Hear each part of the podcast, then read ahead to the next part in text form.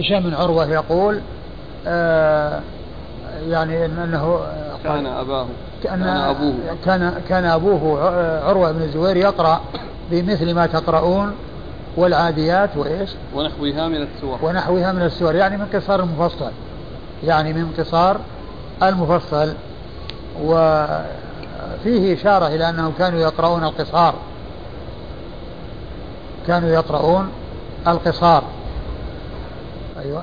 وهذا أثر مقطوع يقال له مقطوع لأن ما انتهى متنه إلى الصحابي إلى التابعي ومن دونه يقال له مقطوع لأن هذه من صفات المتن لأن من انتهى إلى رسول الله صلى الله عليه وسلم يقال له مرفوع ومن انتهى إلى الصحابي يقال له موقوف ومن انتهى إلى من دون الصحابي يقال له مقطوع والمقطوع غير المنقطع.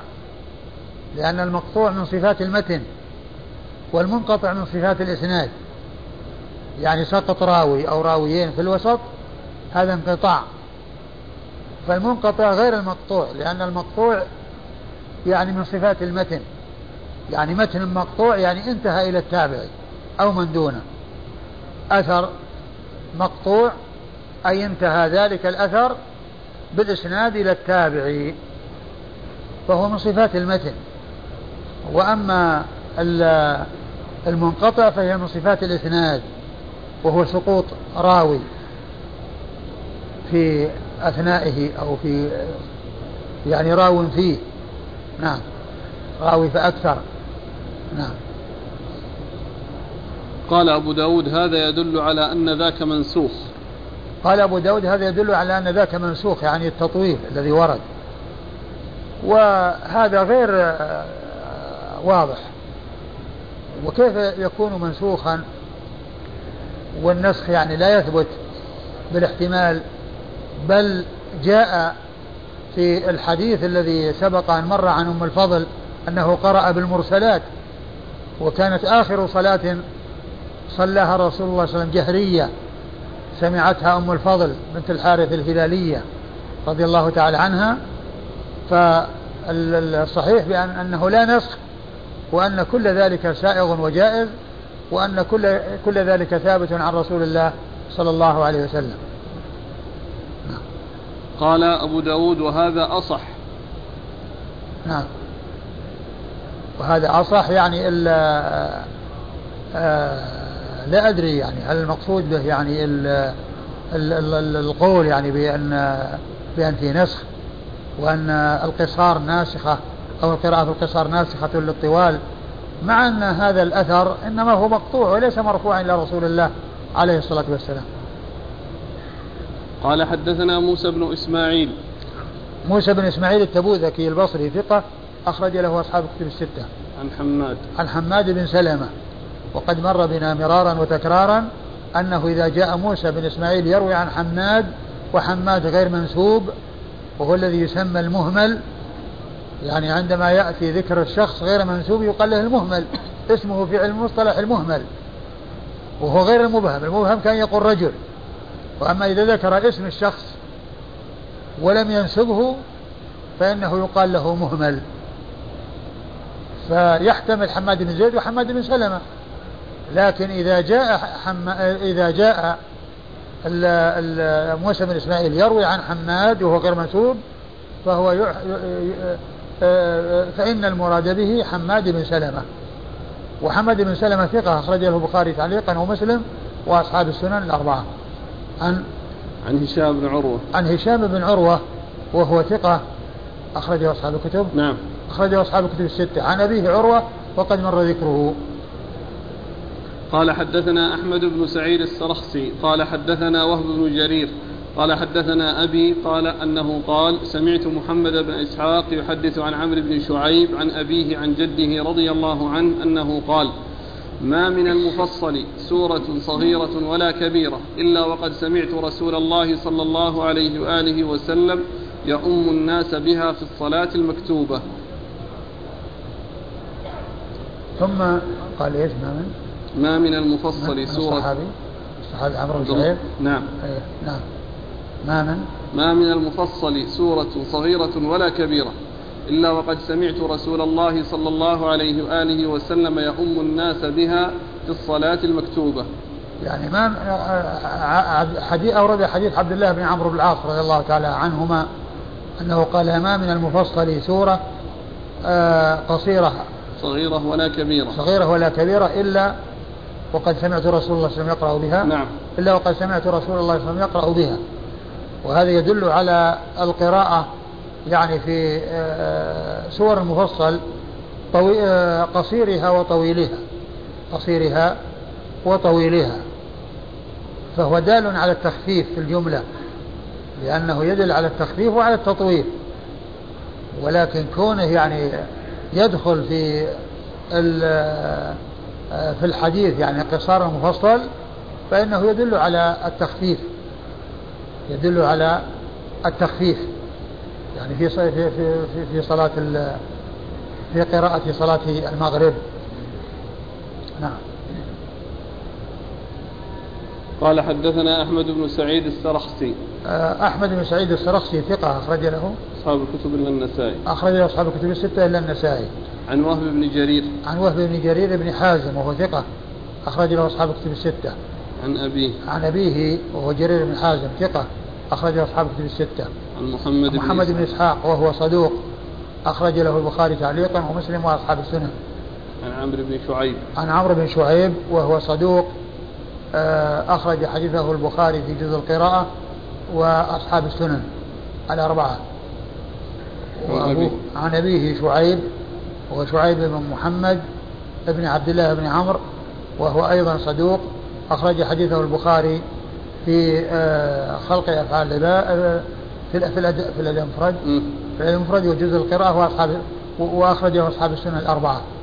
يعني مثل عمرو بن شعيب وأبوه شعيب سواء إلا أن البخاري أخرج لشعيب في الأدب المفرد زيادة على آه، على من آه، خرج لابنه عمرو وهم أصحاب وهم البخاري في في جزء القراءة وأصحاب السنن الأربعة. عن جده وهو عبد الله بن عمرو بن العاص. يعني جد آه، يعني أن شعيبا يروي عن عبد الله بن عمرو وليست روايته عن أبيه محمد لأن الرواية عن أبيه تكون منقطعة لأنه يكون مرسل لأنه تابعي. فإذا أضاف إلى الرسول صلى الله عليه وسلم لا يكون متصلا وإنما يكون منقطعا. وقد ذكر الحافظ بن حجر أن أن شعيبا صح سماعه من جده عبد الله بن عمرو. صح سماعه من جده عبد الله بن عمرو. فإذا عمرو بن شعيب عمرو يروي عن شعيب وشعيب يروي عن جده عبد الله. وليست روايته عن أبيه محمد ابن عبد الله الذي هو تابعي بل شعيب يروي عن الصحابي عبد الله بن عمرو بن العاص رضي الله تعالى عنهما. وعبد الله بن عمرو العاص رضي الله تعالى عنهما هو أحد العباد الأربعة من أصحاب النبي صلى الله عليه وسلم و وحديثه أخرجه أصحاب الكتب الستة. والحديث آه، ذكره الألباني يعني ضعفه الألباني ولا أدري عن وجه التضعيف. اللهم إلا أن يكون من جهة محمد بن إسحاق فإنه مدلس. وهنا ما فيه يعني يعني تصريح بالتحديث يعني يحدث يعني هذا ليس فيه تصريحا بالتحديث لأن ما قال فيه حدثنا كونه يحدث يعني سواء قال عن أو يكون هذا كله كله يوصف بأنه حدث عنه. نعم. قال حدثنا عبيد الله بن معاذ قال حدثنا أبي قال حدثنا قرة عن النزال بن, عم بن عمار عن أبي عثمان النهدي أنه صلى خلف ابن مسعود رضي الله عنه المغرب فقرأ بي قل هو الله أحد. ثم أورد حديث عبد الله بن مسعود أو أثر عبد الله بن مسعود. أثر الحديث أثر. أن عبد الله بن مسعود؟ نعم. أن عبد الله بن مسعود قرأ في المغرب يقول هو الله أحد وهي من قصار المفصل. وهي من قصار المفصل وهو أثر عن عبد الله بن مسعود ولكن في إسناده النزال بن عمار وهو مقبول. نعم. قال حدثنا عبيد الله بن معاذ. عبيد الله بن معاذ ابن معاذ العنبري ثقة أخرج حديثه البخاري ومسلم. ومسلم. وأبو داود والنسائي. البخاري ومسلم وأبو داود والنسائي. عن أبيه معاذ بن معاذ العنبري ثقة أخرج له أصحاب الكتب الستة. عن قرة. عن قرة ابن خالد وهو ثقة أخرج له. أصحاب الكتب. أخرج له أصحاب الكتب الستة. عن النزال. عن النزال بن عمار وهو مقبول أخرج حديثه أبو داود وابن ماجه. ابن ماجه. أبو داود بن ماجه ولا أبو داود؟ أبو داود. وحده؟ هذا اللي طلعت. أبو داود وحده؟ مش لعله إذا غيره يعني الذي في ذهني غيره. شوف التقرير. نزال. نون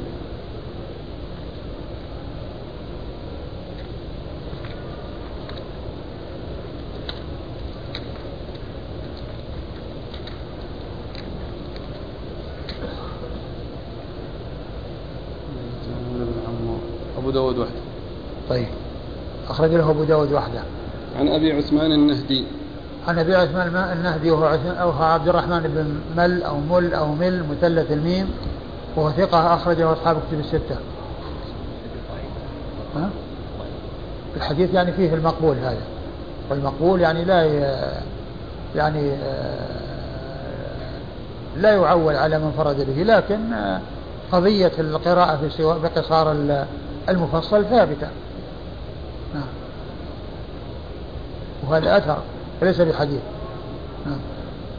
قال رحمه الله تعالى باب الرجل يعيد سورة واحدة في الركعتين قال حدثنا أحمد بن صالح قال حدثنا ابن وهب قال أخبرني عمرو عن ابن أبي هلال عن معاذ بن عبد الله الجهني أن رجلا من جهينة أخبره أنه سمع النبي صلى الله عليه وآله وسلم يقرأ في الصبح إذا زلزلت الأرض زلزالها في الركعتين كلتيهما فلا أدري أنسي رسول الله صلى الله عليه وآله وسلم أم قرأ ذلك عمدا.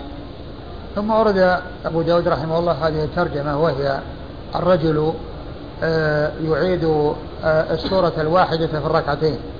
يعني يقرأ السورة في الركعة الأولى ثم في الركعة الثانية يعيد قراءة السورة التي قرأها في الركعة الأولى.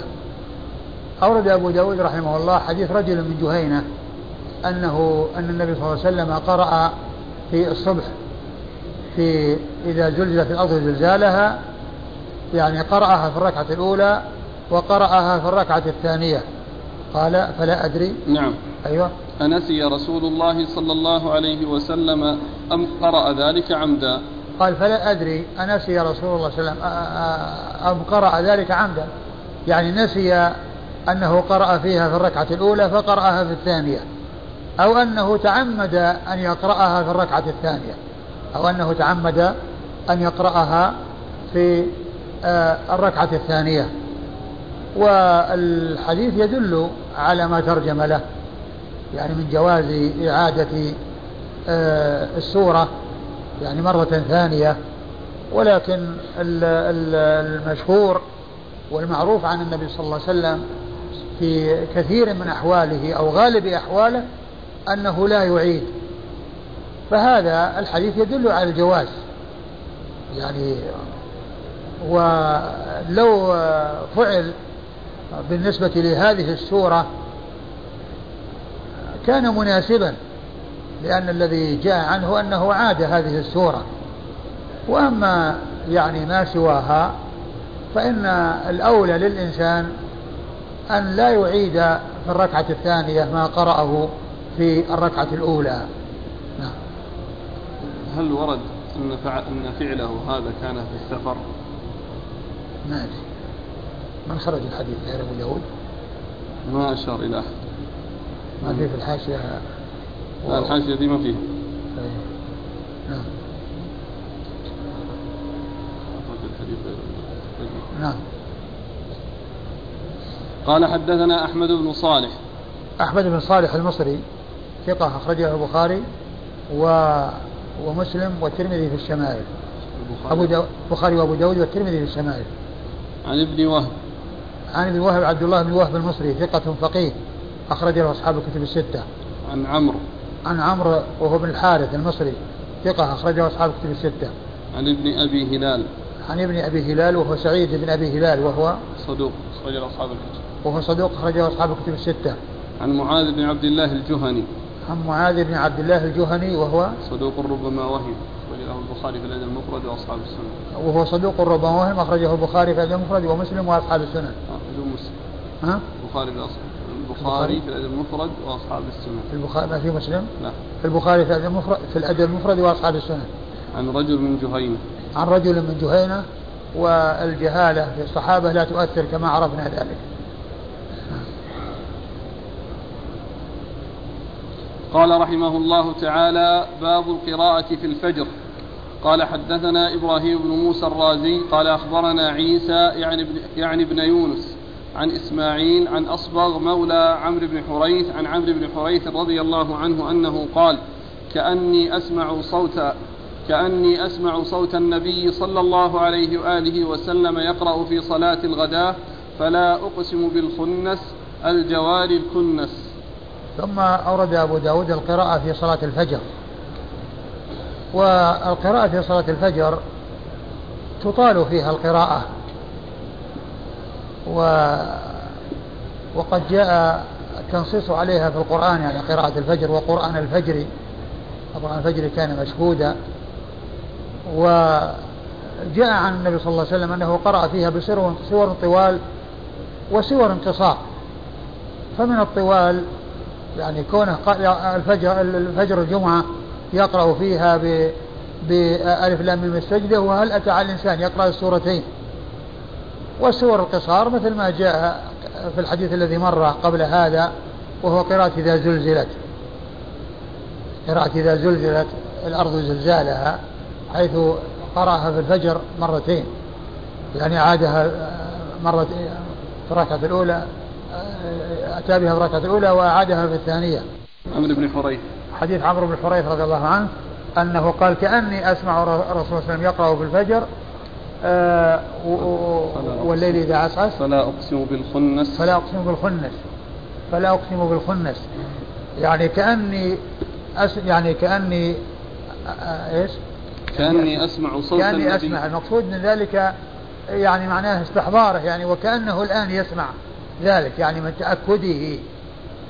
يعني وليس يعني شكا وإنما هو إخبار بشيء كأنه الآن يعني يشاهده ويعاينه لقوة استحضاره إياه. وهذا فيه القراءة في الفجر إذا الشمس كورت. إذا الشمس كورت. فجاء عن النبي صلى الله عليه وسلم القراءة فيها. بتطويل وبتوسط وبقصار مفصل. نعم. قال حدثنا إبراهيم بن موسى الرازي. إبراهيم بن موسى الرازي ثقة أخرج له. أصحاب الكتب. أخرجه أصحاب الكتب الستة. عن عيسى يعني بن يونس. عيسى يعني بن يونس بن أبي إسحاق السبيعي وهو ثقة أخرجه أصحاب الكتب الستة. عن إسماعيل. عن إسماعيل وهو بن خالد. بن ثقة. ابن أبي. إسماعيل بن أبي خالد. إسماعيل بن أبي خالد ثقة أخرجه أصحاب الكتب الستة. عن أصبغ مولى عمرو بن حريث. أصبغ مولى عمرو بن حريث وهو ثقة أخرجه أبو داود وابن ماجه. وهو ثقة أخرجه أبو داود وابن ماجه. هذا الذي يعني آه، أخرجه أبو داود وابن ماجه.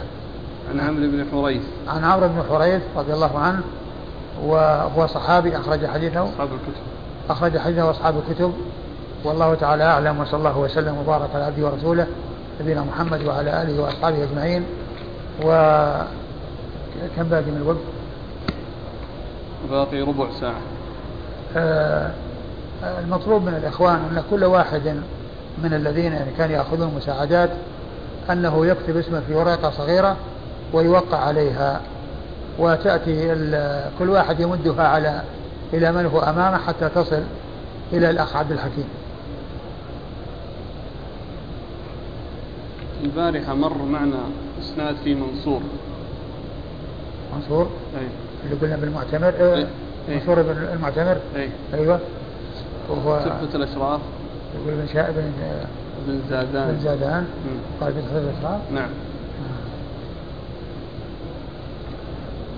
إذا في أي حديث؟ إلا الله.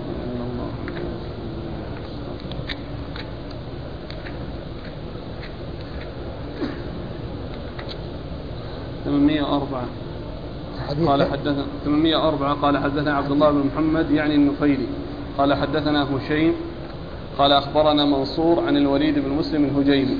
حديث حديث 804 الذي جاء فيه منصور غير منسوب وهو مهمل وقلنا إنه ابن المعتمر الصواب أنه ابن زادان. وهو ثقة أيضا أخرجه أصحاب كتب الستة. ومنصور بن زادان هذا هو الذي قالوا في ترجمته أنه لو قيل له إن ملك الموت بالباب ما زاد شيئا جديدا لأنه مستعد للموت يعني باستمرار بملازمته العبادة. ولو قيل له ملك الموت بالباب يعني خلاص يبي يقبض روحه ما عنده زيادة على ما كان موجودا من قبل. رحمة الله عليه.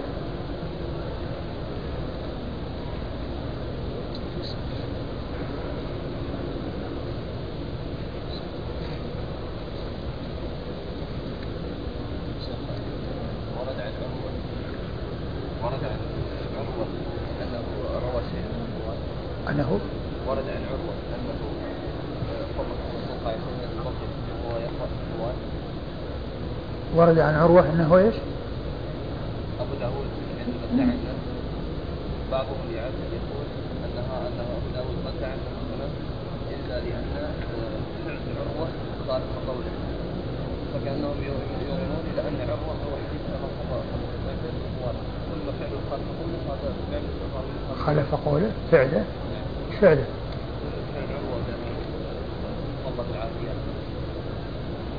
عروة صحابي وقوله قوله كأنه غير موجود في أبو داود لكن يؤمنون إلى أنه روى عن شيء من عليه ما أقول ما أعرف. هو كما قلنا عروة من التابعين.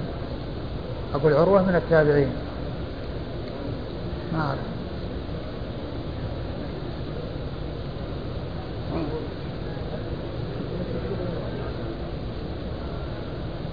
ما يصلح نقدم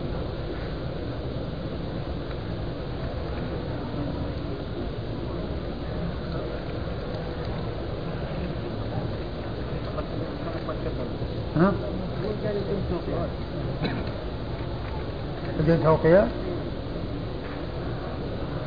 يعني واحدة ولا ها؟ أقول الذي جاء بدون توقيع يعني لا يعول عليه. فالإنسان الذي أرسل شيئا بدون توقيع يعني يعيد الكتابة ويرسلها بتوقيع.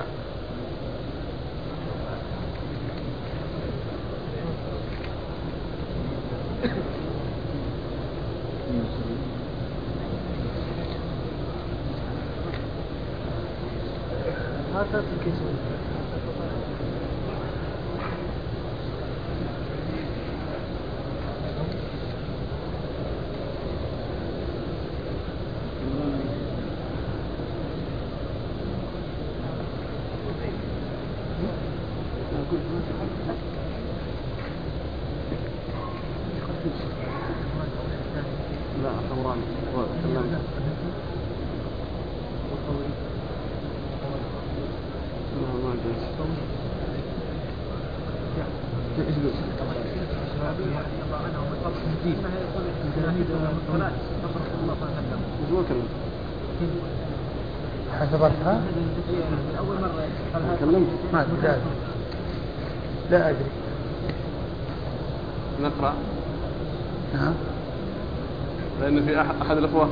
يجمعها في الكيس.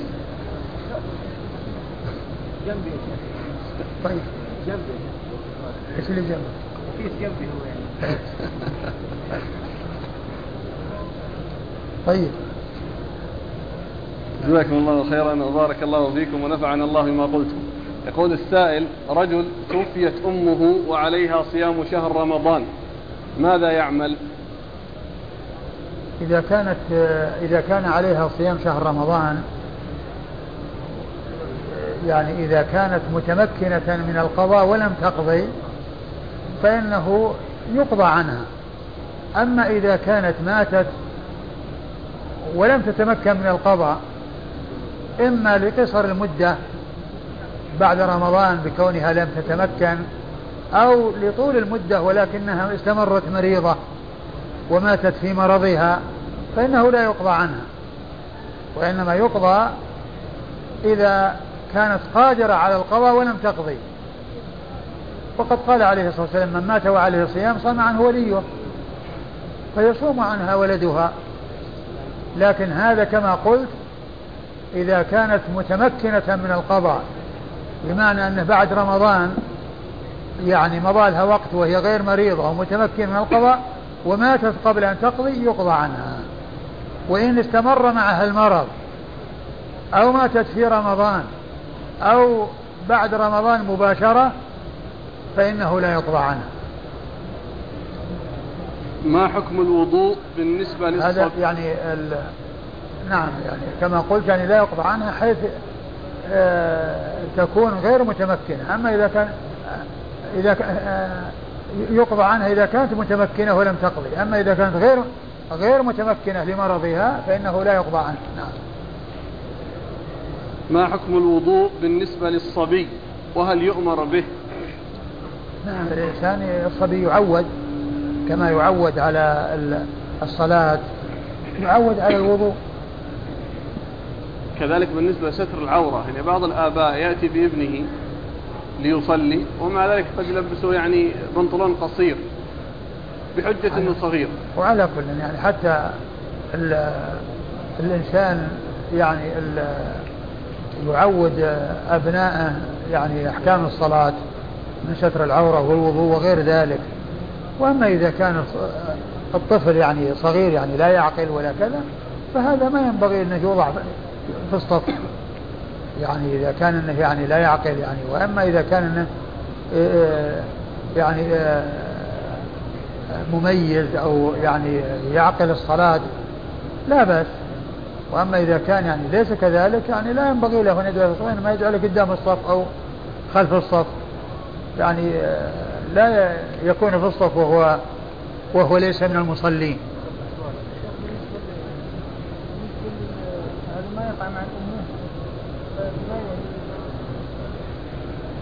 لا الأطعام أقول ال ال ال الإطعام يعني آه، إذا كان يعني آه، كيف غير قادرة؟ نعم. كيف غير قادرة؟ يعني كانت غير قادرة على الصيام لا لا أصلا ما ي... أصلا ما وجب ما وجب عليه حتى يعني يطعم عنه أقول ما وجب عليه القضاء. لأنه يعني غير قادره فلا يطعم عنه وإنما الإطعام يعني في ال... يعني في الإنسان الذي آه الإنسان الذي آه آه, آه، ما يستطيع نهائيا الذي يعني معه عجز يعني دائم. أما إنسان يعني أصابه مرض أو حصل له سفر وكان عليه قضاء ما يطعم عنه وإنما يصام عنه. لا هذا المقصود الذي يعني فيه مرض يعني أو عجز ما يستطيع يصوم. هذا المرض الذي لا يرجى برؤه هذا هو الذي يطعم عنه. أو شيخ شيخ كبير لا يقدر يصوم يطعم عنه. يطعم عنه ولا يصوم. يعني يعني ما دام إنه لا يستطيع أو إنه يشق عليه يعني مشقة بالغة فإنه يطعم عنه ويغنيه عن عن الصيام. وأما هذا الصيام لازم له ولكنه حصل مرض يعني منعه وخرج رمضان ومات قبل أن يقضي. فهذا هو الذي فيه التفصيل الذي ذكرت. إن كان متمكنا من القضاء بأن مضى مدة هو قادر على أن يقضي ولم يقضي آه، يصام عنه. وإن كان يعني لم يمضي مدة أو مضى مدة ولكنه مستمر مع المرض حتى مات لا قضاء عليه. لا قضاء عنه. يقول هل يجوز للخاطب أن يكلم مخطوبته بالتليفون؟ ما يصلح أن الإنسان يعني آه يعني يحصل منه توسع في مثل هذا وإنما له أن يراها له أن يراها ولها أن تراه وأما كونه يخاطبها ويتكلم معها بالتلفون هذا ما يصلح.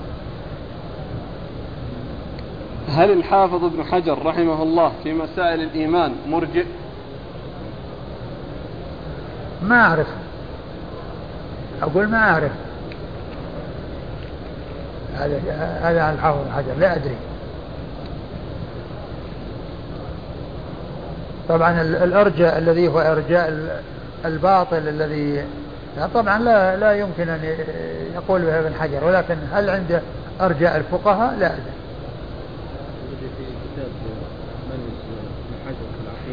ها؟ هذا الذي عنده رسالة منهج الحافظ بن حجر أيوه. يقول بأن منهجه منهج السلف. منهج السلف؟ نعم أنا بحث ما أدري هذا كلام فيه نظر. بالنسبة للإمام نعم. كسب بالنسبة للإمام نعم. إيه يمكن يمكن. أما قضية الصفات. طبعا إيه نعم لا يمكن نعم. يقول ما ضابط لبس البنطلون؟ وما الفرق بينه وبين السروال الذي ورد في السنة أن النبي صلى الله عليه وسلم اشتراه؟ السراويل كما هو معلوم يعني آه، سراويل تكون يعني واسعة ولا تصف الأحجام وأما البنطلون فهو على قدر الأحجام. يعني معناه الحجم واضح جدا. هذه علامة البنطلون وميزة البنطلون التي يتميز بها عن السراويل. السراويل تكون واسعة ولا يتميز بها أحجام. يقول هل يجوز للجنب أن يستمع القرآن؟ نعم يستمع. إيش المعنى؟ أو يقرأ الكتب الدينية؟ نعم له ذلك. وله أن يذكر الله. وأما القرآن فإنه يغتسل ويقرأ. ولا يقرأ قبل أن يغتسل. وما حكم التحدث أثناء الجماع؟ ما يعني أعلم. ما أعلم يعني شيء فيه ما, ما لا أدري. هل على المأموم أن يرفع صوته في كل التكبيرات بعد تكبيرات الإمام؟ المأموم لا يرفع صوته بالتكبير وإنما يكبر يعني سرا بينه وبين نفسه. والتكبير إنما هو للإمام حيث يسمع الناس. وأما المأموم لا يجهر بالتكبير وإنما يسر بالتكبير. وهل يجوز تطويل الإمام في الركوع لأجل الداخل؟ والله بعض العلماء قال هذا. يقول يعني يقول إذا لم يشق على مأموم. انتظار الداخل إذا لم يشق على مأموم أنا ما أعلم. ما أعلم يعني شيء يدل عليه. وماذا يقال في سجود التلاوة؟ سجود التلاوة التلاوة يقال فيه مثل سجود الصلاة ويقال فيه الدعاء. اللهم لك سجدت سجد وجه الذي خلقه وصوره إلى آخره. حديث ورد في هذا. بالنسبة لسيد التلاوة إذا كان يقرأ في السيارة هل يوم الإمام إيش؟ إذا كان يقرأ مثلا في السيارة وهو يمشي هل يوم الإمام الإمام والله يعني سجود التلاوة يعني كما هو معلوم ليس بواجب وإنما هو مستحب من فعله كما جاء في الأثر أظن عن عمر فقد أصاب ومن لم يسجد فلا إثم عليه. ويعني يبدو أن أنه يعني إذا لم يكن يعني يسجد على الأرض أنه يعني لا يفعل ذلك لأن هذا قد يعني يشغله عن السيارة ويشغله عن القيادة يعني بحيث أنه يعني يخفض يعني رأسه. ما ما يناسب من يقود السيارة. والله تعالى أعلم وصلى الله وسلم وبارك على عبده ورسوله نبينا محمد. وعلى آله وأصحابه أجمعين.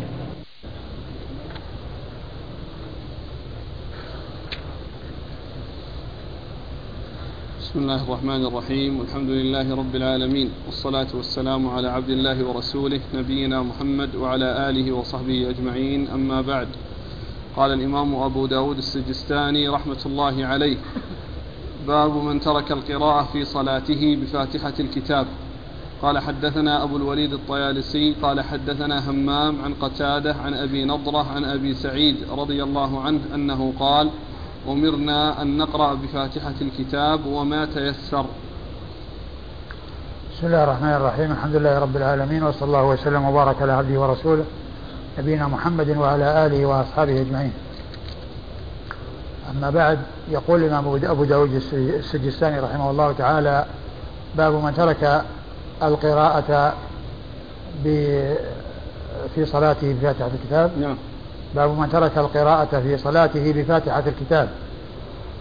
هذه الترجمة الأحاديث التي جاءت هي دالة على الاتيان بالقراءة كقراءة الفاتحة ولزومها وتعينها وليس فيها ذكر تركها. ولكن كما قال صاحب عون المعبود أن المقصود بالترجمة يعني ما حكمه؟ يعني من ترك القراءة في صلاته فاتحة الكتاب ما حكمه؟ يعني والحكم يعني معنى ذلك أن الصلاة غير صحيحة لأن لأنه قد جاءت الأحاديث عن رسول الله صلى الله عليه وسلم في تعين قراءتها ولزوم قراءتها. فإذا كان فإذا يكون المقصود من هذه الترجمة ليس المراد من ذلك أن أن الأمر يتعلق بمن آه، ترك وأن الأحاديث التي تأتي تحت الترجمة تتعلق بالترك وإنما الأحاديث التي جاءت تحت الترجمة تتعلق باللزوم والإيجاب. وإذا فيكون معنى الترجمة باب من ترك القراءة في صلاته بفاتحة الكتاب ما حكمه؟ ما حكم ذلك؟ والحكم أن صلاته غير صحيحة. للأحاديث الكثيرة التي أوردها أبو داود رحمه الله تحت هذه الترجمة. ثم أورد أبو داود رحمه الله آه، حديث أبي سعيد الخدري رضي الله تعالى عنه. قال أمرنا بقراءة أمرنا أن نقرأ بفاتحة الكتاب. أمرنا أن نقرأ بفاتحة الكتاب وما تيسر. أمرنا هذه الصيغة التي هي قول الصحابي أمرنا حكمها الرفع لأن الصحابي لا يقول مثل مثل ذلك إلا إذا كان الآمر هو رسول الله صلوات الله وسلامه وبركاته عليه. فهي صيغة الله حكم الرفع. أمرنا بكذا ونهينا عن كذا. قول الصحابي أمرنا بكذا ونهينا عن كذا. له حكم الرفع. أي أن الآمر هو رسول الله صلى الله عليه وسلم. الآمر هو رسول الله عليه الصلاة والسلام. وعلى هذا فإن الصحابي إذا قال أمرنا بكذا أو نهينا عن كذا فإن له حكم الرفع ويكون الآمر له هو رسول الله صلى الله عليه وسلم. أو الآمر لهم رسول الله صلى الله عليه وسلم. وأما رسول الله صلى الله عليه وسلم إذا قال أمرت بكذا أو نهيت عن كذا فإن الآمر له الله سبحانه وتعالى. الآمر له هو الله سبحانه وتعالى.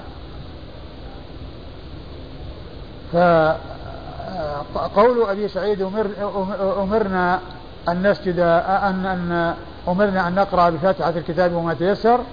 يدل على أن قراءة فاتحة الكتاب وما تيسر مأمور به ومطلوب. وفاتحة الكتاب آه، قراءتها واجبة. قراءتها واجبة في حق الإمام وكذلك المنفرد وكذلك المأموم على خلاف بين أهل العلم في ذلك. بل إن قراءة الفاتحة أصلها جمهور العلماء على أنها تقرأ وأنه لا بد من قراءتها في حق الإمام والمنفرد. وبعض أهل العلم يقول إن قراءة الفاتحة ليست متعينة وليست بلازمة بل المطلوب قراءة شيء من القرآن سواء الفاتحة أو غير الفاتحة.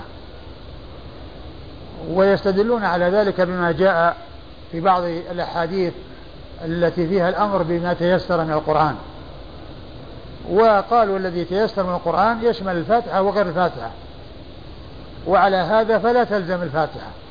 لكن جمهور أهل العلم على لزوم قراءة الفاتحة في حق الإمام والمنفرد وذلك لوجود النص فيها ووجود الأحاديث الكثيرة فيها عن رسول الله صلى الله عليه وسلم في الدالة على قراءتها الدالة على قراءتها. أما بالنسبة للمأموم إذا صلى وراء الإمام فهل يقرأ بالفاتحة أو لا يقرأ بالفاتحة؟ في ذلك ثلاثة أقوال لأهل العلم. منهم من قال إنه يقرأ في الصلوات السرية والجهرية يقرأ المأموم وراء إمامه في الجهرية والسرية في السرية يقرأ الفاتحة ويقرأ السورة وفي الجهرية إنما يقرأ الفاتحة فقط ويستمع في غيرها. والقول الثاني بعكس ذلك أنه لا يقرأ المأموم وراء إمامه ولا يلزمه قراءة سواء في سرية أو جهرية ويستدلون على ذلك بحديث آه، فيه ضعف وهو من كان له إمام فقراءة الإمام قراءة له ولو صح فإنه يكون محمولا على غير الفاتحة. ولو صح فإنه يكون محمولا على غير الفاتحة.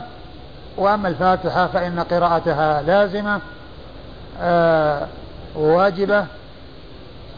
والقول الثالث يقول إن المأموم يقرأ في الصلاة السرية ولا يقرأ في الصلاة الجهرية. يقرأ في الصلاة السرية يعني خلف إمامه. وأما الصلوات الجهرية فإنه لا يقرأ فيها فاتحة الكتاب وإنما يستمع للإمام أو يستمع لإمامه ولا يقرأ بفاتحة الكتاب والقول الذي تدل عليه الأحاديث هو القول بوجوب القراءة خلف الإمام سواء كان في صلاة جهرية أو في صلاة سرية وإذا كان تمكن من إتيانها بسكتات الإمام إذا سكت قبل الفاتحة لقراءة الاستفتاح أتى بالاستفتاح وأتى بقراءة الفاتحة فذاك؟ وإلا فإنه يقرأ والإمام يقرأ السورة. الإمام يقرأ يقرأ والإمام يقرأ السورة لأن قراءة الفاتحة مطلوبة. وقد جاء عن النبي صلى الله عليه وسلم أنه آآ آآ نهى عن القراءة إلا بفاتحة الكتاب. نعم. قال حدثنا أبو الوليد الطيالسي. حدثنا أبو الوليد الطيالسي وهو هشام بن عبد الملك وهو ثقة أخرج له أصحاب الكتب الستة. عن همام. عن همام بن يحيى وهو ثقة أخرج له أصحاب الكتب الستة. عن قتادة. عن قتادة بن دعامة السدوسي البصري ثقة أخرج له أصحاب الكتب الستة.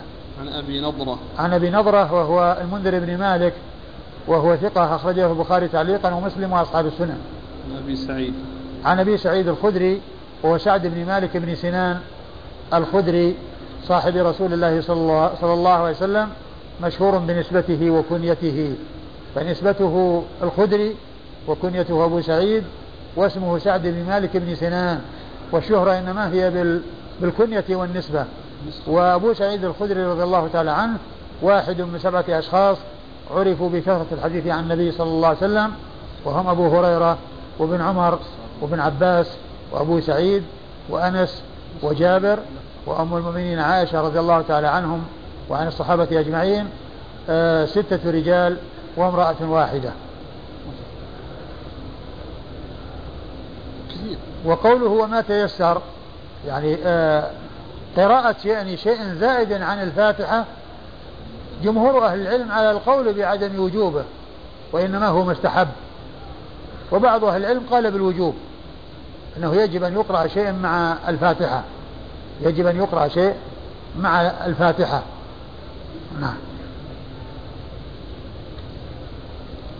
قال حدثنا إبراهيم بن موسى الرازي قال أخبرنا عيسى عن جعفر بن ميمون البصري قال حدثنا أبو عثمان النهدي قال حدثني أبو هريرة رضي الله عنه أنه قال قال لي رسول الله صلى الله عليه وآله وسلم اخرج فنادي في المدينة.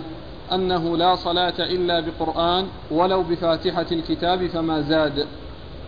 ثم أورد أبو داود رحمه الله حديث أبي هريرة أن النبي صلى الله عليه وسلم قال له اخرج فنادي في المدينة أن لا صلاة إلا بقرآن ولو بفاتحة الكتاب فما زاد. ولو بفاتحة الكتاب فما زاد عليها. وهذا آه يدل على أن الصلاة لا بد فيها من قراءة. ولكن آه، جاء في آخره قال ولو بفاتحة الكتاب وما زاد. ولهذا قال بعض أهل العلم الذين يقولون بأن قراءة الفاتحة لا تتعين وإنما الذي يتعين شيء من القرآن الفاتحة أو غير الفاتحة قال ولو بفاتحة الكتاب. ولو بفاتحة الكتاب يعني فما زاد. والحديث لا يدل على ذلك لأن المقصود من ذلك أن فاتحة الكتاب هي التي يقرأ بها وإن جاء شيء معها فإنه لا بد منه. لكن لا يعني ذلك أنه لا يقرأ يعني آه، بفاتحة الكتاب وإنما يقرأ بغيرها. هو لا بد من قرآن. وأقل شيء فيه فاتحة الكتاب وما زاد على ذلك أو مع زيادة على ذلك. فليس فيه دلالة على أنه لا تتعين أو لا تجب قراءة الفاتحة. لا تجب قراءة الفاتحة بل جاءت الأحاديث عن رسول الله صلى الله عليه وسلم بقراءتها. مع أن يعني هذه الرواية أو هذه اللفظة قد في في رجالها من فيه كلام أو في رجال الإسناد فيها من فيه كلام. نعم. قال حدثنا إبراهيم بن موسى الرازي. إبراهيم بن موسى الرازي ثقة أخرج له؟ أصحاب الكتب. أخرج له أصحاب الكتب الستة. عن عيسى. عن عيسى وهو بن يونس بن أبي إسحاق وهو ثقة أخرج له أصحاب الكتب الستة. عن جعفر بن ميمون البصري. عن جعفر بن ميمون البصري وهو صدوق يخطئ أخرج حديثه. قال في جزء القراءة أصحاب السنن. البخاري في جزء القراءة وأصحاب السنن. عن أبي عثمان النهدي. عن أبي عثمان النهدي وهو عبد الرحمن بن مل أو مل أو مل مثلث الميم وهو ثقة أخرج له أصحاب الكتب الستة. عن أبي, هريرة عبد الرحمن بن صخر الدوسي صاحب رسول الله صلى الله عليه وسلم وأكثر أصحابه حديثا على الإطلاق رضي الله عنه وأرضاه نعم إيش؟ الحديث يعني فيه كلام من جهة يعني ميمون ولكن معناه يعني آه، لا يدل على أن فاتحة الكتاب لا تقرأ ولكن يدل على أنه لا بد من قراءة الفاتحة وما زاد عليها فهو مثل الأحاديث التي تقدم التي تقدم والتي ستأتي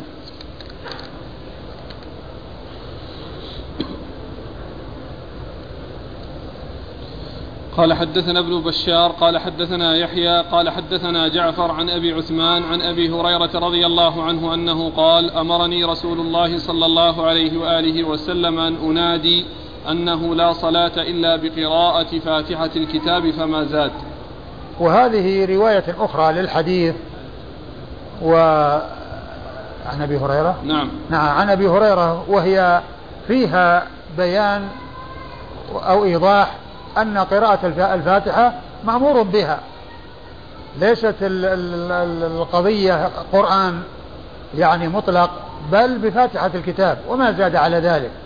فهي يعني آه، تدل على ما دلت عليه الرواية السابقة وهو حديث أبي سعيد وتدل أيضا على أن ما جاء في الرواية السابقة ليس المقصود منه أن الفاتحة أو غيرها يعني ولو كان بالفاتحة أو غيرها فالفاتحة لا بد منها وغيرها يضاف إليها.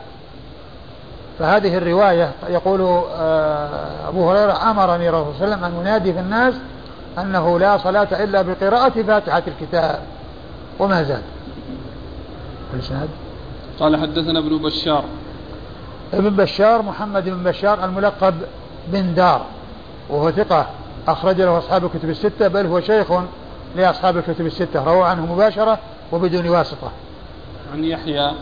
عن يحيى وهو بن سعيد القطان البصري ثقة أخرج له أصحاب الكتب الستة.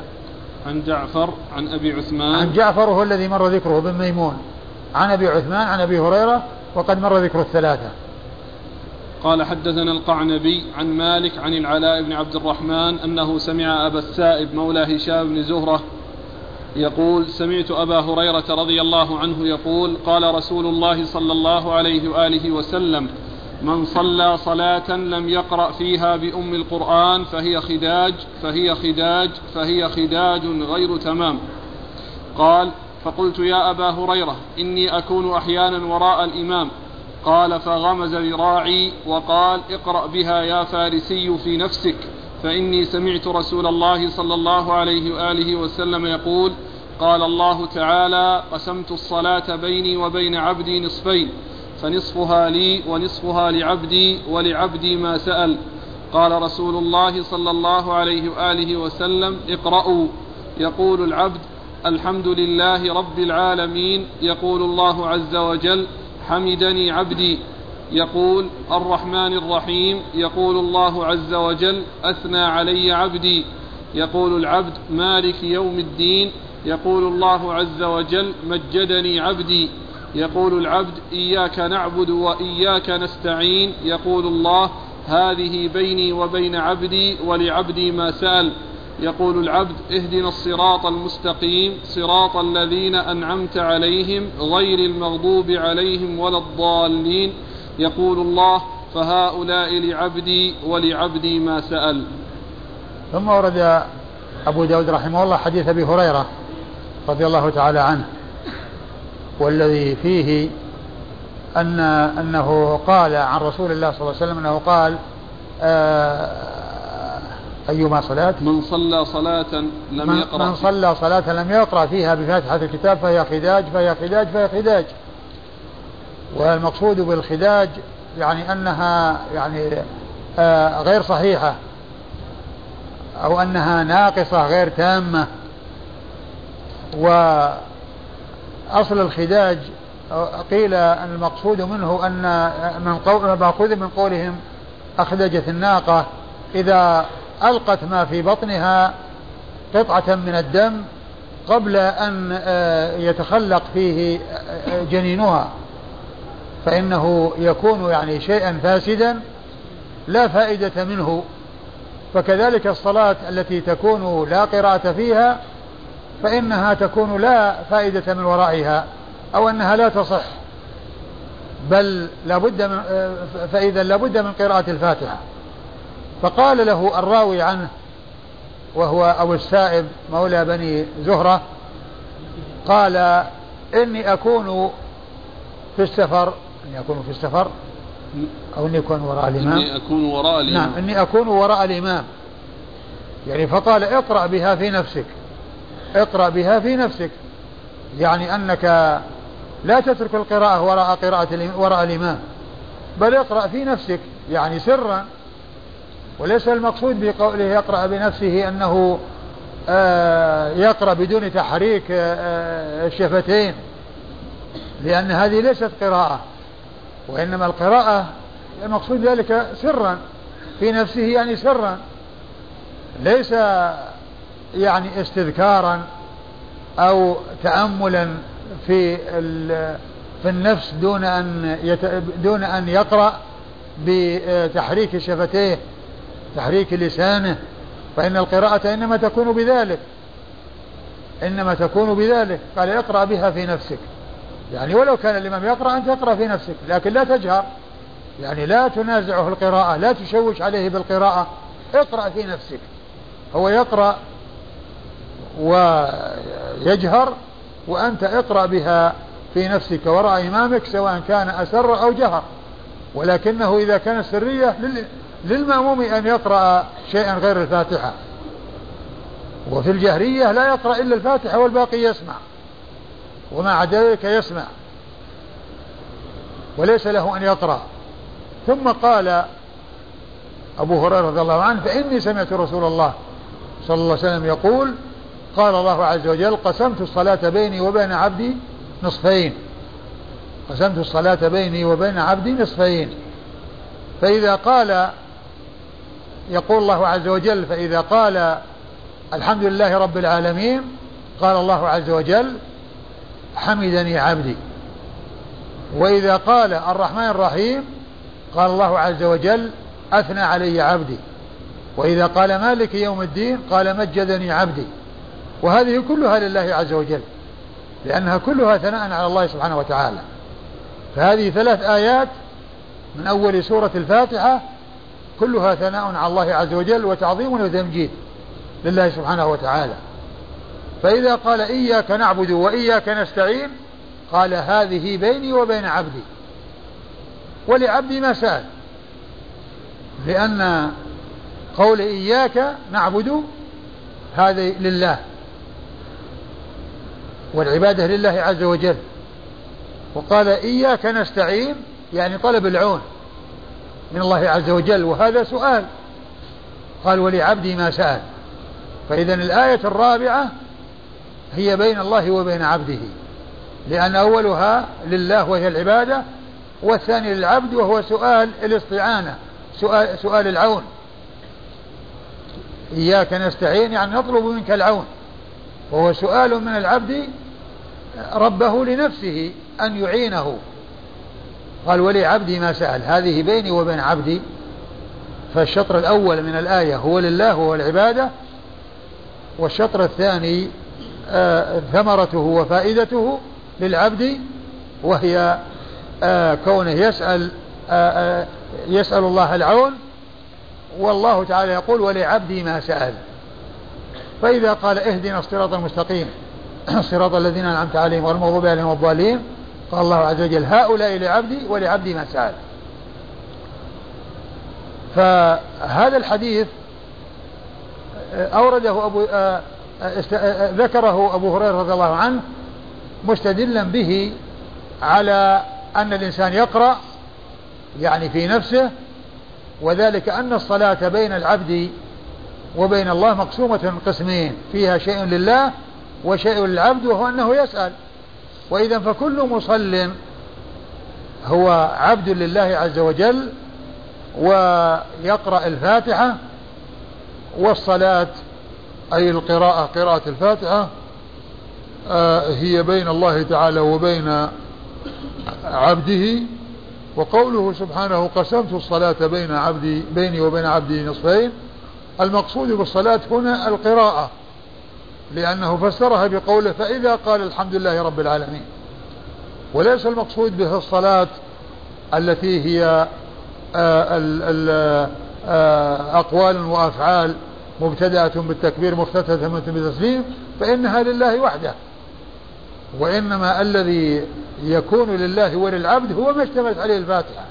لأن بعضها شيء لله وبعضها شيء للعبد. يعني بعضها دعاء ترجع. يرجع للعبد وبعضها ثناء على الله عز وجل وتعظيم له. ولهذا فإن كون الإنسان يقرأ الفاتحة أو يدعو بهذا الدعاء الذي في الفاتحة بعد أن سبقه حمد الله والثناء عليه فإن هذا من أسباب قبول الدعاء. من أسباب قبول الدعاء أن يتقدمه حمد الله والثناء عليه. وختمت السورة بطلب الهداية للصراط المستقيم الذي حاجة الناس إليه فوق كل حاجة وضرورتهم إليه فوق كل ضرورة لأن هدايتهم للصراط المستقيم الذي فيه السلامة من الذي فيه الخروج من الظلمات إلى النور وفيه سعادة الدنيا والآخرة لا شك أن هذا أهم المهمات وأعظم المطالب وأجل المطالب وأعظم حاجات العبد وأعظم شيء يدعو به الإنسان بأن يعطيه الله إياه ويهبه إياه. وقوله اهدنا الصراط المستقيم هذا الدعاء يشتمل على أمرين تثبيت على الهداية الحاصلة ومزيد من الهداية. والزيادة من الهداية لأن الهدى منه ما هو الهداية منها ما هو موجود فيطلب الإنسان التثبيت عليه ويطلب المزيد.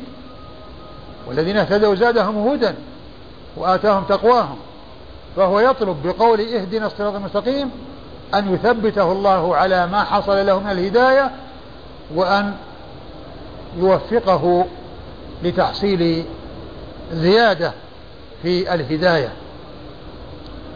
ثم إن قول قول الله عز وجل قسمت الصلاة بيني وبين عبدي نصفين كما عرفنا المقصود به القراءة وليس المقصود به الصلاة.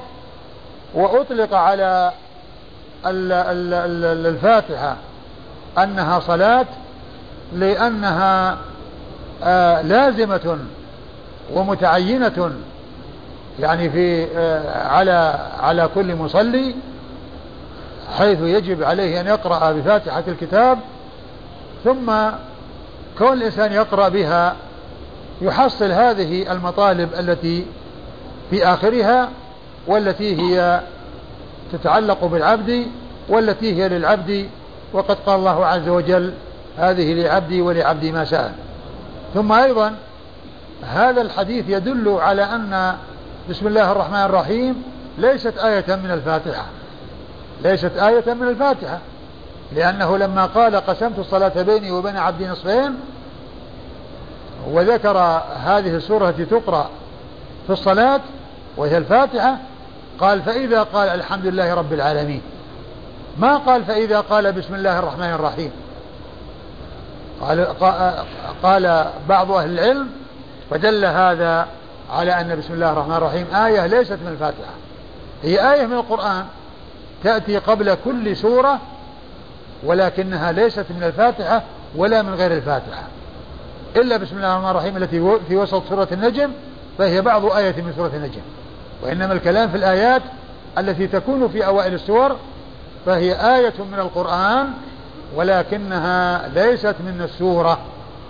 ليست من السورة ولكن يؤتى بها ولم يضع الصحابة رضي الله عنهم وأرضاهم في المصحف إلا ما هو قرآن. ولو كانت غير قرآن ما وضعوها في وسط المصحف ولميزوها عن غيرها ولبينوا أنها ليست قرآنا ولكن كونهم ذكروها في المصحف وما يكون في المصحف هو قرآن نعم هي قرآن ولكنها ليست من الفاتحة. وعلى هذا فمن يقول إنها من الفاتحة الفاتحة سبع آيات. فمن يقول إن بسم الله الرحمن الرحيم هي من الفاتحة يعد بسم الله الرحمن الرحيم هي الآية الأولى. الآية الأولى. وتكون الآية الأخيرة صراط الذين أنعمت عليهم غير المغضوب عليهم ولا الضالين. وعلى ما يدل عليه حديث أبي هريرة هذا من أن بسم الله الرحمن الرحيم ليست من الفاتحة يجعل ما بعد اهدنا الصراط المستقيم ثلاث آيات. وتكون إياك نعبد وإياك نستعين هي الآية المتوسطة هي يعني متوسطة بين الثلاث الآيات التي هي خاصة بالعبد والثلاث الآيات التي قبلها التي هي خاصة بالله وهذه الآية المتوسطة نصفها الأول لله ونصفها الآخر للعبد. نصفها الأول وهو إياك نعبد لله فتكون تابعة لما قبلها للثلاث الآيات قبلها. وتكون آه إياك نستعين وهي من مطالب العبد تابعة لما بعدها وهو اهدنا الصراط المستقيم. فتكون صراط الذين أنعمت عليهم آية وغير المغضوب عليهم ولا الضالين آية. وغير المغضوب عليهم ولا الضالين؟ آية. والقول الصحيح كما سبق أن أشرت إلى ذلك من قبل أن الفاتحة أن أن بسم الله الرحمن الرحيم في أوائل السور آية من القرآن ولكنها ليست من السورة التي جاءت في أولها وإنما هي آه آية من القرآن لأنه آه كما سبق أن مر بنا الحديث آه أنه نزل عليه آه بسم الله الرحمن الرحيم إنا أعطيناك الكوثر فذكر أن بسم الله الرحمن الرحيم من جملة ما نزل أنها من جملة ما نزل. ولكن كما جاء في هذا الحديث أن بسم الله الرحمن بسم الله الرحمن الرحيم ليست آية من الفاتحة. وجعل أول الفاتحة الحمد لله رب العالمين. وجعل أول الفاتحة الحمد لله رب العالمين. وهذا الحديث من الأحاديث القدسية التي تكون المتكلم فيها هو الله والضمائر فيها ترجع إلى الله عز وجل وهو كلام من الله سبحانه وتعالى ليس يعني من القرآن وإنما هو من سنة الرسول صلى الله عليه وسلم وهو كلام مضاف إلى الله سبحانه وتعالى وليس حكمه حكم القرآن من حيث التعبد بالتلاوة ولكنه حكم حكم القرآن من حيث العمل به لأن السنة يعمل بها كما يعمل بالقرآن. ولا يفرق بين السنة والقرآن في العمل بل يجب العمل بما في القرآن ويجب العمل بما في السنة. نعم. قال حدثنا القعنبي. القعنبي هو عبد الله بن مسلمة بن قعنب. القعنبي ثقة أخرج له أصحاب الكتب الستة إلا من ماجه. عن مالك. عن مالك بن أنس إمام دار الهجرة الإمام المشهور أحد أصحاب المذاهب الأربعة المشهورة من مذاهب أهل السنة وحديثه أخرجه أصحاب الكتب الستة. عن العلاء بن عبد الرحمن. عن العلاء بن عبد الرحمن وهو صدوق. ربما وهم. صدوق رب واهم أخرج حديثه البخاري. في جزء القراءة ومسلم وأصحاب السنن البخاري في جزء القراءة ومسلم وأصحاب السنن عن أبي السائب مولى هشام بن زهرة. عن أبي السائب مولى هشام بن هشام بن زهرة وهو ثقة. نعم. أخرج له. البخاري في جزء القراءة ومسلم وأصحاب السنن البخاري في جزء القراءة ومسلم وأصحاب السنن مثل تلميذه. أيوة. عن أبي هريرة. عن أبي هريرة رضي الله عنه وقد مر ذكره. قول أبي هريرة. فقلت يا أبا هريرة إني أكون أحيانا وراء الإمام. قال فغمز ذراعي وقال اقرأ بها يا فارسي. في نفسك. قول يا فارسي. لعله من فارس لأنه مولى. نعم. ذكرتم بأن الصحيح أنه يجب قراءة أن على المأموم أن يقرأ الفاتحة في السرية والجهرية. نعم. من لم يفعل جهلا أو نسيانا. الذي يبدو أنها تصح الصلاة. أقول تصح الصلاة يعني من من لم يعني يفعل نسيانا أو كذا تصح صلاته. لأن يحصل أن بعض الناس يقوم نعم. يؤدي ركعة. نعم. فنسأل لماذا تقوم وأنت بدأت الصلاة مع الإمام؟ قال لم أقرأ في أحد الركعات الفاتحة. لا من من من من, من نسيها أو من يعني هذا لا, لا يلزمه أن يأتي بركعة. نعم. قال حدثنا قتيبة بن سعيد وابن السرح. قال حدثنا سفيان عن الزهري عن محمود بن الربيع عن عبادة بن الصامت رضي الله عنهما يبلغ به النبي صلى الله عليه وآله وسلم لا صلاة لمن لم يقرأ بفاتحة الكتاب فصاعدا. قال سفيان لمن يصلي وحده. ثم ورد أبو داود حديث عبادة بن الصامت رضي الله عنه. أن النبي صلى الله عليه وسلم قال لا صلاة لمن لم يقرأ فاتحة الكتاب فصاعدا. وهذا مثل ما تقدم في حديث أبي سعيد وحديث أبي هريرة أنه لا صلاة لمن لم يقرأ فاتحة الكتاب فصاعدا يعني فما زاد على ذلك. ثم قال أبو داود قال سفيان لمن صلى وحده؟ يعني أنها يعني على المنفرد أنها تكون في حق المنفرد ولا تكون في حق المأموم. وهذا والأصل هو العموم والشمول. وتقييده أو إخراج يعني شيء من أفراده غير صحيح. بل الأصل هو بقاء النص على عمومه وأنه لا صلاة لمن لم يقرأ يعني بفاتحة الكتاب. وقد سبق أن مر حديث أبي هريرة عندما قال له أبو السائب إني أكون وراء الإمام قال أقرأ بها في نفسك. يعني معناه أن قراءة الفاتحة لا يتركها المأموم. فالقول بأن الحديث يكون المقصود به من صلى وحده دون من كان مأموما هذا غير صحيح وتفريقا غير صحيح. قال حدثنا قتيبة بن سعيد. قتيبة بن سعيد بن جميل بن طريف ثقة أخرج له أصحاب كتب الستة. وابن السرح. وابن السرح هو أحمد بن عمرو بن السرح المصري وهو ثقة. أخرج له مسلم وأبو داود والترمذي نعم. النسائي النسائي وابن ماجه. مسلم وأبو داود النسائي وابن ماجه. عن سفيان. عن سفيان وهو بن عيينة. المكي ثقة أخرجه أصحاب كتب الستة. عن الزهري. عن الزهري محمد بن مسلم بن عبيد الله بن شهاب الزهري ثقة فقيه أخرجه أصحاب كتب الستة.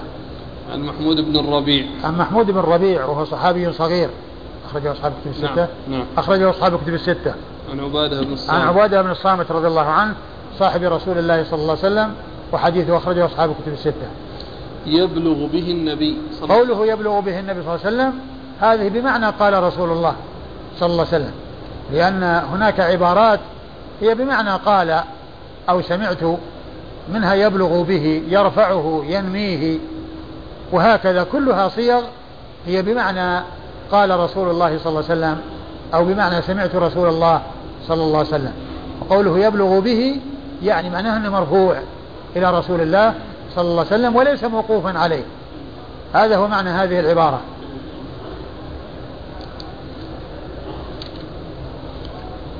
قال حدثنا عبد الله بن محمد النفيلي قال حدثنا محمد بن سلمة عن محمد بن إسحاق عن مكحول عن محمود بن الربيع عن عبادة بن الصامت رضي الله عنهما أنه قال كنا خلف رسول الله صلى الله عليه وآله وسلم في صلاة الفجر فقرأ رسول الله صلى الله عليه وآله وسلم فثقلت عليه القراءة فلما فرغ قال لعلكم تقرؤون خلف إمامكم؟ قلنا نعم هذا قلنا نعم هذا يا رسول الله. قال لا تفعلوا إلا بفاتحة الكتاب فإنه لا صلاة لمن لم يقرأ بها. ثم ورد أبو داود رحمه الله حديث آه، عبادة بن الصامت. حديث عبادة بن الصامت رضي الله عنه أن النبي صلى الله عليه وسلم صلى بهم صلاة صلاة الفجر آه، فثقلت عليه القراءة فقال لعلكم تقرؤون خلف إمامكم؟ نعم. لعلكم تقرؤون خلف إمامكم؟ قالوا نعم نصنع ذلك. نصنع ذلك هدا قيل إن معنى هدا يعني إنهم يسرعون يعني آه، بالقراءة. قال لا تفعلوا إلا بفاتحة الكتاب. لا تفعلوا إلا بفاتحة الكتاب فإنه لا صلاة لمن لم يقرأ بفاتحة الكتاب. وهذا يدلنا على أن المأموم لا يقرأ خلف إمامه شيئا من القرآن إلا الفاتحة لأن الفاتحة مستثنات وقد جاء نصوص تدل على قراءتها. وأما غير الفاتحة فإن المأموم يسمع ويستمع ولا يقرأ شيئا غيرها إلا في الصلاة السرية فإنه يقرأ الفاتحة وغير الفاتحة لأن ما فيه آه، آه، يعني إشكال إلا إذا كان هناك رفع صوت فهذا يؤثر ويشوش على الإمام فيما لو رفع صوته بالقراءة فإن ذلك يكون في تشويش. وإلا فإن المأموم يقرأ بفاتحة الكتاب والسورة في الصلاة السرية ويقرأ بفاتحة الكتاب فقط في الصلاة الجهرية. ولهذا جاء في بعض الأحاديث وإذا قرأ فأنصتوا. وإذا قرأ فأنصتوا فلا يقرؤون وهو يقرأ. إلا بفاتحة الكتاب فإنها مستثنات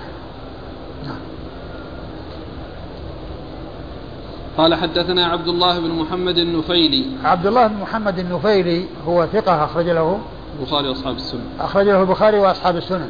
عن محمد بن سلمة. عن محمد بن سلمة وهو الباهلي وهو ثقة أخرج حديثه. البخاري في جزء القراءة ومسلم وأصحاب السنن. البخاري في جزء القراءة ومسلم وأصحاب السنن. وهذا غير محمد بن سلمة المرادي المصري فإن المرادي المصري هذا من شيوخ آه، من شيوخ آه، أبي داود هو. إيه ذاك. محمد بن سلمة المرادي. المرادي نعم من شيوخ. هو من شيوخ أبو داود. إيه. نعم من شيوخ أبي داود والنسائي. من شيوخ أبي داود محمد بن سلمة المرادي. من شيوخ أبي داود فإذا جاء في طبقة شيوخ محمد بن سلمة المراد به المصري. وإذا جاء من طبقة شيوخ شيوخه فالمراد به الباهلي. وهذا الذي معنا هو الباهلي محمد بن سلمة الباهلي الحراني. وأما هذا الذي هو محمد بن سلمة المرادي فهو مصري. إيش قال عنه في التقريب؟ ثقة ثبت من الحادي عشرة أيوة. رمز له مسلم وأبو داود والنسائي بن ماجه. مسلم وأبو داود والنسائي نعم. عن محمد بن سلمة عن؟ عن محمد بن إسحاق. عن محمد بن إسحاق المدني وهو صدوق أخرج حديثه البخاري تعليقا ومسلم وأصحاب السنن عن مكحول.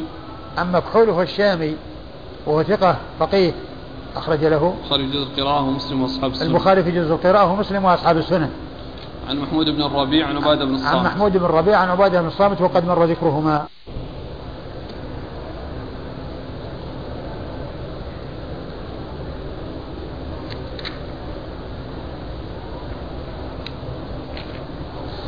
قال رحمه الله حدثنا الربيع بن سليمان الأزدي قال حدثنا عبد الله بن يوسف قال حدثنا الهيثم بن حميد قال أخبرني زيد بن واقد عن مكحول عن نافع بن محمود بن الربيع الأنصاري.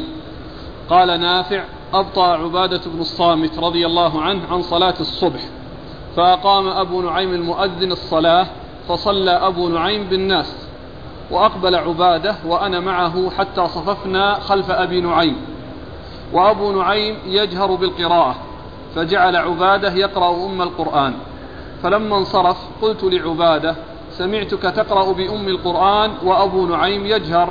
قال أجل صلى بنا رسول الله صلى الله عليه وآله وسلم بعض الصلوات التي يجهر فيها بالقراءة. قال فالتبست عليه القراءة.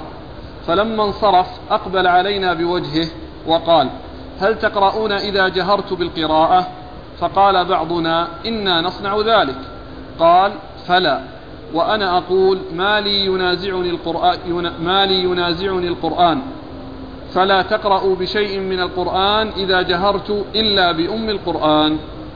ثم ورد أبو داود رحمه الله حديث عبادة بن الصامت من طريق أخرى وفيه آه ما في الذي قبله وفيه آه يعني ذكر آه المناسبة التي حدث بها أيضا بهذا الحديث في آه رواية آه آه الذي روى عنه؟ هنا؟ أيوه. نافع بن محمود. نعم نافع بن محمود بن الربيع.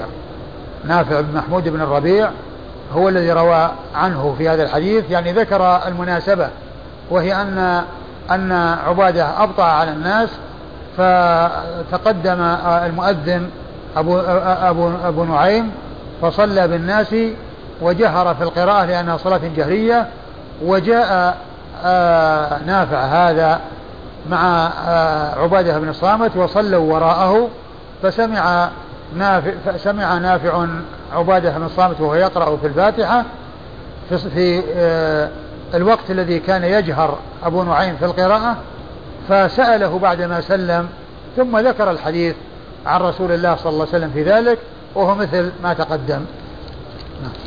قال حدثنا الربيع بن سليمان الأزدي. الربيع بن سليمان الأزدي آه ثقة أخرج له آه البخاري.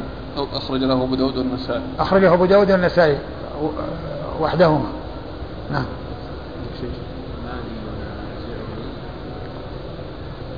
ينازع ينازعني نعم.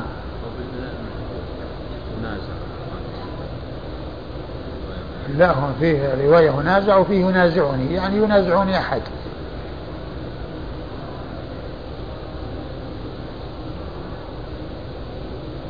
نعم.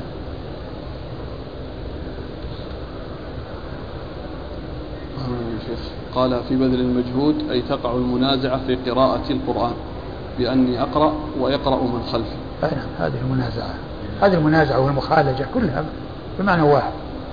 منازعة ومخالجة يعني مداخلة يعني بس كأن الشيخ يريد الضبط ضبط اللفظ.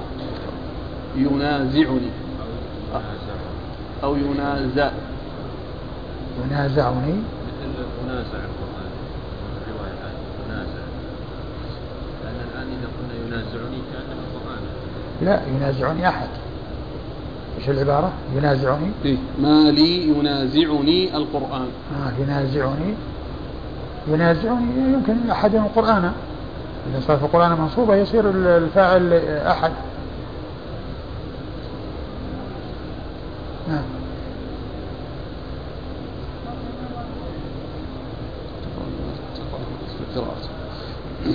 عن عبد الله بن يوسف الربيع بن سليمان الأزدي عن عبد الله بن عبد يوسف. الله بن يوسف التنيسي وهو ثقة أخرج له البخاري وأبو داود والترمذي والنسائي. البخاري وأبو داود والترمذي والنسائي. عن الهيثم بن حميد. عن الهيثم بن حميد وهو صدوق رجل أصحاب السنن. صدوق أخرجه أصحاب السنن. عن عن زيد بن واقد. عن زيد بن واقد وهو ثقة. نعم. أخرج له البخاري وأبو داود والنسائي بن ماجه. البخاري وأبو داود والنسائي وابن ماجه. عن مكحول عن نافع بن محمود بن الربيع. عن مكحول مر ذكره نافع بن محمود بن الربيع وهو ثقة. أخرج له وهو مستور بارك الله فيك. أخرج له البخاري في جزء القراءة مستور. نعم. أخرجه البخاري في جزء القراءة. وأبو داود والنسائي. البخاري في جزء القراءة وأبو داود النسائي نعم. عبادة. عن عبادة وقد مر ذكره. يعني كونه مستور يعني جاءت طرق أخرى. الطريقة التي قبل هذا هي عن غيره. نعم.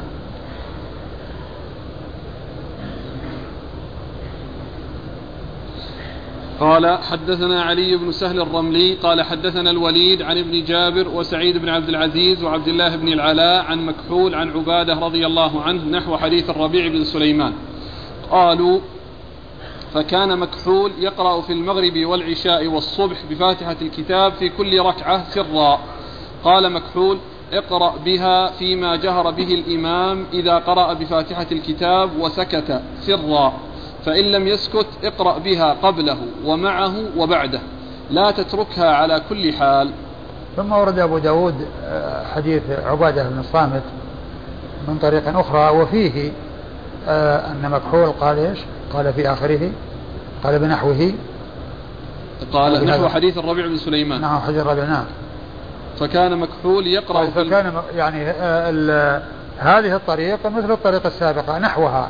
يعني قريبة منها تماثلها أو تماثلها في المعنى وليست في الألفاظ. المعنى واحد والألفاظ مختلفة. ثم ذكر عن مكحول قال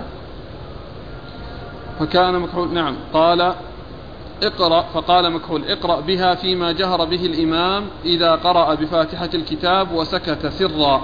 يعني يقول مكحول آه، لا تترك قراءة الفاتحة وراء الإمام فإذا كان الإمام يجهر فإن كان له سكتات يقرأ في السكتات. وإن لم يكن يجهر يسكت فإنه يقرأ وال- والإمام يقرأ. لا يقرأ سواء قبله أو معه أو بعده. المهم ألا يتركها في حال من الأحوال. نعم. ممكن أن يقرأ قبله يعني وقت ما يدعو. الإمام دعاء الاستفتاح. يمكن يمكن. ما في مسابقة كذا قبل لا ما في ما في. لأن لأن القراءة مطلوبة وكونه يعني يقرأ في حال سكوت الإمام ويسمع للإمام لا شك أنها ما في مسابقة. قال حدثنا علي بن سهل الرملي. علي بن سهل الرملي هو صدوق أخرج له أبو داود والنسائي في عمل يوم الليلة. صدوق أخرج له أبو أخرج له أبو داود والنسائي في عمل يوم الليلة. عن الوليد. عن الوليد هو مسلم وهو ثقة أخرج له أصحاب الكتب. عن ابن جابر. عن ابن جابر وهو عبد الرحمن بن يزيد بن جابر وهو ثقة أخرج له أصحاب الكتب. ثقة أخرجه أصحاب الكتب. وسعيد بن عبد العزيز. وسعيد بن عبد العزيز الدمشقي وهو ثقة أخرجه أصحاب الكتب. سعيد بن عبد العزيز. العزيز الدمشقي نعم اللي هو التنوخي. ما أدري لعله التنوخي. لكن إذا كان التنوخي فهو إيه. البخاري في الأدب المفرد ومسلم وأصحاب السنة. هو دمشقي هو؟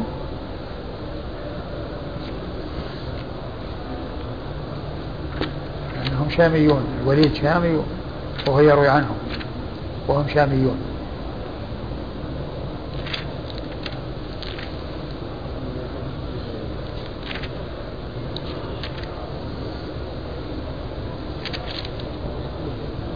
إلا آه، دمشقي، نعم. التنوخي؟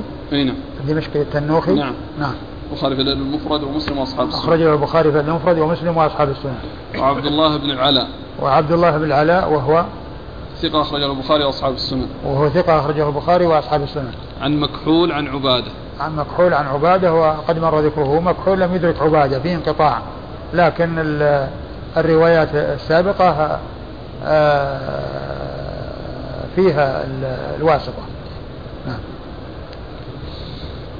قال رحمه الله تعالى باب من كره القراءة بفاتحة الكتاب إذا جهر الإمام. قال حدثنا القعنبي عن مالك عن ابن شهاب عن ابن أكيمة الليثي عن أبي هريرة رضي الله عنه أن رسول الله صلى الله عليه وآله وسلم انصرف من صلاة جهر فيها بالقراءة فقال هل قرأ معي أحد منكم آنفا؟ فقال رجل نعم يا رسول الله. قال إني أقول ما لي أنازع القرآن. قال فانتهى الناس عن القراءة مع رسول الله صلى الله عليه وآله وسلم فيما جهر فيه النبي صلى الله عليه وآله وسلم بالقراءة من الصلوات حين سمعوا ذلك من رسول الله صلى الله عليه وآله وسلم. قال أبو داود روى حديث حديث ابن أكيمة هذا معمر ويونس. وأسامة بن زيد عن الزهري على معنى مالك. ثم ورد أبو داود رحمه الله هذه الترجمة. باب من من لم يرى. من كره القراءة. باب من كره القراءة. فاتحة الكتاب إذا جهر الإمام. بفاتحة الكتاب إذا جهر الإمام. المقصود من هذا ال- الإشارة إلى أن من العلماء من قال بأن المأموم لا يقرأ بفاتحة الكتاب في حال الجهر. قد سبق أن ذكرت أن هناك ثلاثة أقوال. قول يقول بأنه يقرأ بفاتحة الكتاب في جميع الأحوال وقول يقول أنه لا يقرأ في جميع الأحوال لا يلزمه وقول يقول بأنه يقرأ في السرية دون الجهرية. وهنا هذه الترجمة هي يعني تدل على هذا القول أو تشير إلى هذا القول وأن من العلماء من لم يرى القراءة بفاتحة الكتاب في حال كون الإمام يجهر أو في صلاة جهرية.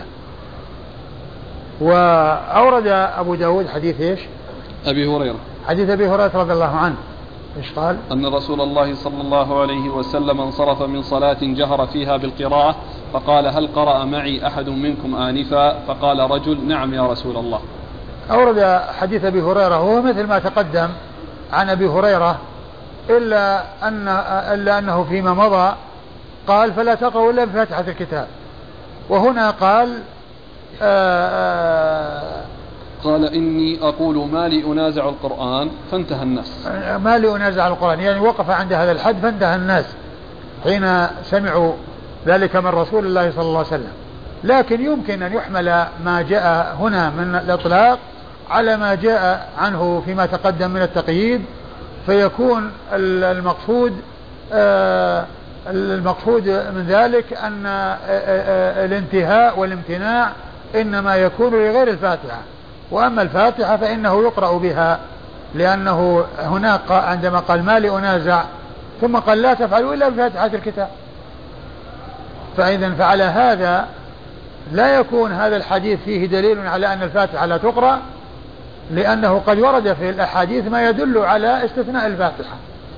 وأن المنع إنما المنع الباقي والمستمر والدائم هو فيما إذا كان الإمام يقرأ آه، في فيما آه، في في قراءة المأموم غير الفاتحة.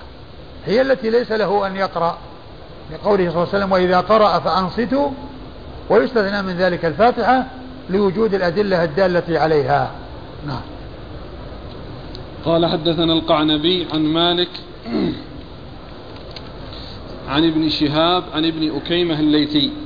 مر ذكر الجميع إلا ابن أكيمة الليثي وهو عمارة وهو ثقة أخرج له البخاري في جزء القراءة وأصحاب السنن وهو ثقة أخرج له البخاري في جزء القراءة وأصحاب السنن عن أبي هريرة. عن أبي هريرة وقد مر ذكره. قال أبو داود روى حديث ابن أكيمة هذا معمر نعم. ويونس معمر بن راشد الأزدي ثقة أخرجه أصحاب كتب الستة يونس بن يزيد يونس؟ نعم. يونس بن يزيد. وهو ثقة أخرجه أصحاب كتب الستة. وأسامة بن زيد. وأسامة بن زيد الليثي وهو صدوق, صدوق. يهم. صدوق يهم. نعم. أخرج له. البخاري تعليقا ومسلم وأصحاب السنن البخاري تعليقا ومسلم وأصحاب السنن عن الزهري على معنى مالك. عن الزهري على معنى مالك يعني ما جاء على معنى حديث مالك الذي تقدم في الإسناد السابق. نعم. قال حدثنا مسدد وأحمد بن محمد المروزي ومحمد بن أحمد بن أبي خلف وعبد الله بن محمد الزهري وابن السرح. قالوا حدثنا سفيان عن الزهري أنه قال سمعت ابن أكيمة يحدث عن سعيد بن المسيب أنه قال سمعت أبا هريرة رضي الله عنه يقول صلى بنا رسول الله صلى الله عليه وآله وسلم صلاة نظن أنها الصبح بمعناه إلى قوله ما لي أنازع القرآن. قال مسدد في حديثه قال معمر فانتهى الناس عن القراءة فيما جهر به رسول الله صلى الله عليه وآله وسلم. وقال ابن السرح في حديثه قال معمر عن الزهري قال أبو هريرة فانتهى الناس. وقال عبد الله بن محمد الزهري من بينهم. قال سفيان وتكلم الزهري بكلمة لم أسمعها. فقال معمر إنه قال فانتهى الناس. قال أبو داود ورواه عبد الرحمن بن إسحاق عن الزهري وانتهى وانتهى حديثه إلى قوله ما لي أنازع القرآن. ورواه الأوزاعي عن الزهري قال فيه قال الزهري فاتعظ المسلمون بذلك فلم يكونوا يقرؤون معه فيما يجهر به صلى الله عليه وآله وسلم. قال أبو داود سمعت محمد بن يحيى سمعت محمد بن يحيى بن فارس قال قوله فانتهى الناس من كلام الزهري. ثم ورد أبو داود رحمه الله حديث أبي هريرة. حديث أبي هريرة رضي الله عنه. صلى بنا رسول الله صلى الله عليه وسلم صلاة نظن أنها الصبح أيوة. بمعناه إلى قوله نعم ما نعم. أنازع القرآن بمعناه يعني بمعنى الحديث المتقدم. ثم ذكر آه، روايات متعددة آه، في بيان أن قول فانتهى الناس أنه من كلام الزهري أو من كلام معمر وبعضهم قال إنه من كلام أبي هريرة. لكن آه، كما هو معلوم أبو هريرة رضي الله عنه جاء عنه كما سبق أن مر أنه قال لذلك الرجل والذي غمزه بيده وقال اقرأ بها في نفسك يا فارس لما قال أنني آه أنني أكون وراء الإمام فقال اقرأ بها في نفسك يا فارسي. فيدل يعني على أن أبا هريرة رضي الله عنه يعني يقول بالقراءة ويستدل أيضا على أن آه، الرسول صلى الله على أن ما جاء في حديث الرسول صلى الله عليه وسلم في آه، قسمة الصلاة بين الله تعالى وبين عبده نصفين آه، أنها يعني دالة على ذلك من جهة أنه قال قسمت الصلاة بيني وبين عبدي نصفين. وعلى هذا فسواء كان من قول أبي هريرة أو من قول الزهري أو من قول معمر النتيجة هو أن الانتهاء يحمل على ما كان لغير الفاتحة. وأما بالنسبة للفاتحة فقد تقدمت الأحاديث عن أبي هريرة التي فيها التنصيص على استثناء الفاتحة. نعم. قال حدثنا مسدد. مسدد بن مسرهد البصري ثقة. أخرجه البخاري وأبو داود والترمذي والنسائي. وأحمد بن محمد المروزي. وأحمد بن محمد المروزي وهو ثقة, ثقة. نعم أخرجه أبو داود. ثقة أخرجه أبو داود. ومحمد بن أحمد بن أبي خلف. ومحمد بن أحمد بن أبي خلف وهو ثقة أخرجه مسلم وأبو داود. وهو ثقة أخرجه مسلم وأبو داود. وعبد الله بن محمد الزهري. وعبد الله بن محمد الزهري وهو صدوق أخرجه مسلم وأصحاب السنة. وهو صدوق أخرجه مسلم وأصحاب السنة. وابن السرح. وابن السرح مر ذكره. قالوا حدثنا سفيان. سفيان هو بن عيينة مر ذكره. عن الزهري عن ابن أكيمة عن سعيد بن المسيب. وسعيد بن المسيب آه ثقة آه أحد ثقات التابعين أحد فقهاء المدينة السبعة في عصر التابعين. وهو ثقة أخرجه أصحاب كتب الستة. ثم هؤلاء قال مسدد ومعمر كلهم. مع معمر مر ذكره. طيب